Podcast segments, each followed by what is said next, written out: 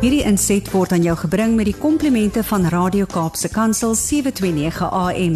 Besoek ons gerus by www.cape pulpit.co.za. Baie baie welkom by nog 'n episode van Geestesgesondheid net hier op Radio Kansel en Kaapse Kansel. My naam is Gerda Kriel, kliniese sielkundige van Somerset Wes, en ek kuier vandag saam met julle rondom die onderwerp van verandering. Ons praat hierdie hele maand van Augustus oor verandering en ek moet sê dis eintlik nog ons snaakse tyd van die jaar om hieroor te praat. Dis 'n tema wat ons dikwels in Januarie besoek. Maar vir een of ander rede vind ek dat baie mense hulle self tans in 'n seisoen van verandering vind. Nou, ons het gekyk na wat verandering is en hoekom dit 'n stresor is en dan het ons verlede week gekyk na wat gebeur wanneer 'n verandering verby die normale perke van jou eie coping meganismes gaan en omslaan in ietsie wat ons noem aanpassingsversteuring. Nou vandag gaan ek kyk na die 10 mees stresvolle dinge. Nou daar is 'n interessante stresskaal wat ontwikkel is, die Holmes-Rahe stress scale. En dit is geskep om te probeer bepaal wanneer mense moontlik geestesgesondheidsprobleme gaan beleef in respons tot sekere stressors. En wat hierdie skaal gedoen het, is hulle het eintlik bepaal dat daar 10 dinge is wat vir meeste mense as die mees stresvolle ervarings in hulle lewens sal plaasvind. Dit is baie belangrik om te besef dat hierdie stresors eintlik normale lewensomstandighede is wat op 'n stadium in ons almal se lewens sal plaasvind. So, ons weet nie wie gaan dit ervaar as so stresvol dat hulle geestesgesondheidsprobleme daar as gevolg van ervaar nie en vir wie dit eintlik heel eenvoudig en, en maklik gaan wees om oor te kom.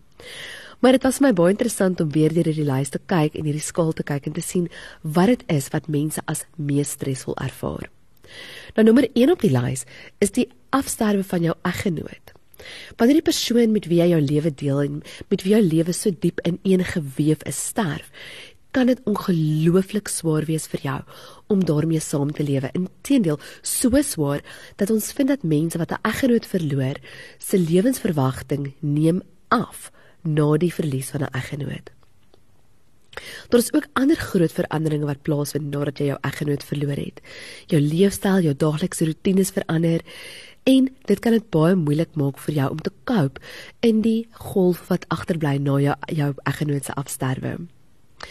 Dis tyd om jouself kans te gee om te, te rou. En om daardie tydperk is dit so wys om dalk by 'n ondersteuningsgroep aan te sluit of met 'n terapeut te gaan praat wat rouberading aanbied. Die tweede mees stresvolle ding gaan weer eens oor die huwelik, maar hierdie keer is dit egskeiding. Selfs wanneer 'n egskeiding vir die beste is vir beide partye, kan dit baie moeilik wees om die pyn daarvan te deurleef en dit gaan gewoonlik gepaard met 'n geweldige aanpassing in jou rotine en jou leefstyl dan is daar nie eers te praat oor die wetlike aspekte of die hofstryde rondom kinders en besittings nie. Dis dis regtig baie sleg en baie mense sê dat hulle baie verlore voel na 'n uh, egskeiding. Jy voel dalk 'n hele mengelmoes van emosies, verligting, rou, eensaamheid. Maar ek wil hê jy moet weet dit is moontlik om dit deur die ander kant te maak. Nommer 3 is om van jou huweliksmaat vir 'n tydperk geskei te wees. Nou hierdie skeiding van jou huweliksmaat kan wees as gevolg van 'n tydelike breuk in die verhouding of dit kan wees dat jy vir 'n tydperk in ander lande moet woon vir werksomstandighede. Weereens gaan dit gepaard met 'n verandering in leefstyl, 'n verandering in rotine en ritme wat baie moeilik kan wees om by aan te pas. Die vierde mees stresvolle is lewensstresor en ek hoop werklik dat dit vir die minderheid mense in hulle lewens gebeur. Maar dit is om in die tronk gesit te word. Dit is so maklik vir ons om te dink dat mense wat in die tronk kom daar hoort en daar is verseker geharde misdadigers in die wêreld daar buite. Maar dit is ook so dat mense soms in die tronk gesit word vir 'n tydperk vir 'n relatiewe klein misdaad, 'n non-gewelddadige misdaad. En daardie tipe stresor is geweldig traumaties. Ons weet dat dit 'n totale ontwrigting van jou lewe en jou rotine is. Maar mense wat in die tronk gesit word, ervaar ook eensaamheid, isolasie. Hulle ervaar nie meer produktiewe aktiwiteite waaraan hulle deelneem nie. Dikwels is daar 'n baie swak mediese versorging en in die tronk self is daar geweld en mishandeling wat plaasvind en verskeie menseregte skendings. Baie mense wat van tevore in hegtenis geneem is, ervaar posttraumatiese stresversteurings. En dit is baie belangrik dat 'n mens wanneer iemand uit die tronk kom, werklike ondersteuningsbasis rondom hulle stel. Die vyfde mees traumatiese ervaring is die afsterwe van 'n nabye familielid. Dit kan jou ouer wees of 'n broer of 'n suster, enige iemand wat 'n werklike rol in jou lewe gespeel het. Die verandering wat jy moet ondergaan om jou lewe sonder daardie persoon in te rig, kan baie traumaties wees en kan vir baie mense stres en spanning veroorsaak. Die sesde mees traumatiese ding is 'n geweldige persoonlike besering of siekte. Wanneer iemand met persoonlike besering of 'n of 'n siekte gediagnoseer word, kan dit geweldige stres veroorsaak. Of dit nou tydelik of kronies is, dit kan jou hele rotine, jou leefstyl en jou lewensplanne omvergooi. Jy moet dikwels leer om saam te lewe met 'n nuwe manier van leef. En dit kan ook baie vreesaanjaend wees om met 'n lewensbedreigende siekte gediagnoseer te wees. Om eers te praat van die finansiële spanning wat mediese rekeninge kan veroorsaak nie. Die sewende mees stresvolle ding is interessant genoeg vir meeste mense behoort dit 'n baie gelukkige geleentheid te wees.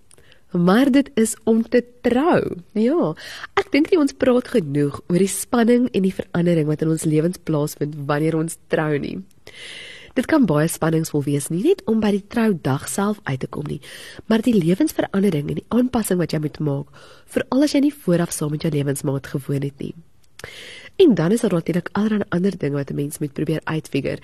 Jy weet hoe werk finansies saam en wat is die wetlike aspekte van getroud wees en dit alles dra by tot die streslading.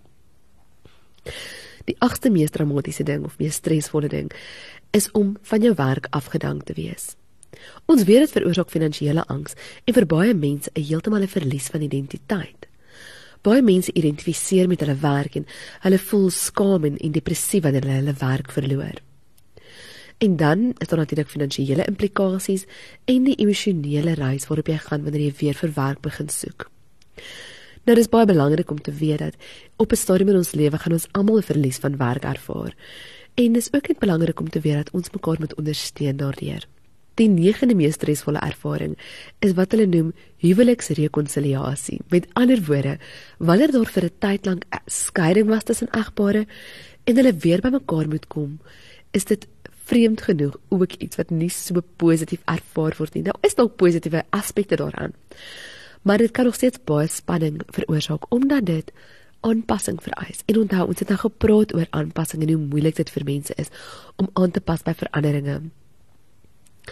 Die tiende mees spanningsvolle ding wat 'n mens in hulle lewenstyd kan deurgaan is iets waarvoor ons gewoonlik almal uitsien.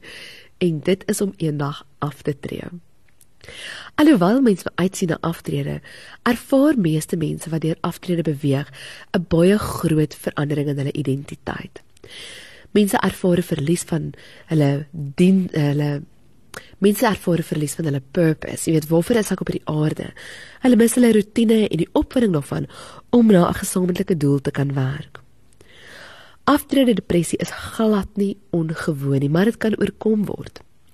En hulle vind dat navorsing in 2018 het gewys dat aftrede eintlik jou algehele lewenskwaliteit kan verbeter. Maar dan is dit belangrik dat jy jou daar vol betekenisvolle, genotvolle aktiwiteite maak en 'n poging aanwend om werklik gesonde gewoontes aan te hou beoefen. Dit is baie moeilik om te besef watter een van hierdie stresore vir jou gaan so stresvol wees dat dit jou eintlik in 'n posisie plaas waar jy nie weet hoe om vorentoe te beweeg nie. En of jy stresvolle beleef, jy dalk en dalk ervaar jy 'n stresore wat glad nie op die lys is nie. Dit is belangrik om te onthou dat enige iets wat van jou 'n groot aanpassing, 'n skielike verandering in jou lewe vereis, jou lewenstyl beïnvloed en vir jou stres kan veroorsaak. Jy moet jouself goed ken. Jy moet jouself tyd gee om in ander nuwe omstandighede in te settle. Niks gebeur oornag nie. En dit is belangrik dat jy daardie uitkomste en uitkyk het wanneer jy na jouself kyk. En wanneer jy besef dat jy dalk nou 'n stresor beleef wat jou coping skills heeltemal oorskry. En dan is dit ook belangrik vir ons as kinders van die Here om te besef dat elke mens iewers in hulle lewe deur 'n stresvolle ervaring gaan. Ons kan nie altyd mekaar se stres sien nie, ons kan dit nie altyd kwantifiseer nie. maar ons kan seker maak dat ons almal rondom ons met sagtheid en liefde hanteer, sodat ons nie die rede is dat iemand se slegte dag self slegter is nie. Elke persoon wat jy teekom vandag, het iewers 'n battle waarmee hulle besig is. Kan jy vir hulle 'n sagte landingsplek wees? Kan jy vir 'n oomblik jou eie persoonlike goed op sy skuif en regtig net luister en teenwoordig wees wanneer hulle met jou wil praat? Ek dink dit is waarvoor ons geroep is en ek dink regtig dit is wanneer ons mense help om in 'n gemeenskap te wees, dan help ons hulle ook om te buffer teen die stressors wat hulle in hulle lewens beleef. Nou volgende week gaan ons bietjie meer kyk na die tipe dinge wat jy kan implementeer om jou stressors beter te hanteer, om jou lewensveranderinge minder stresvol te maak, sodat jy met veerkragtigheid daardeur kan beweeg. My naam is Gerda Kriel en dit is my voorreg om elke week saam met julle te kuier net hier op Radio Kansel. Mag julle 'n geseënde week wees en ons praat volgende week verder. Hierdie inset was aan jou gebring met die komplimente van Radio Kaapse Kansel 729 AM. Besoek ons gerus by www.cape pulpit.co.za.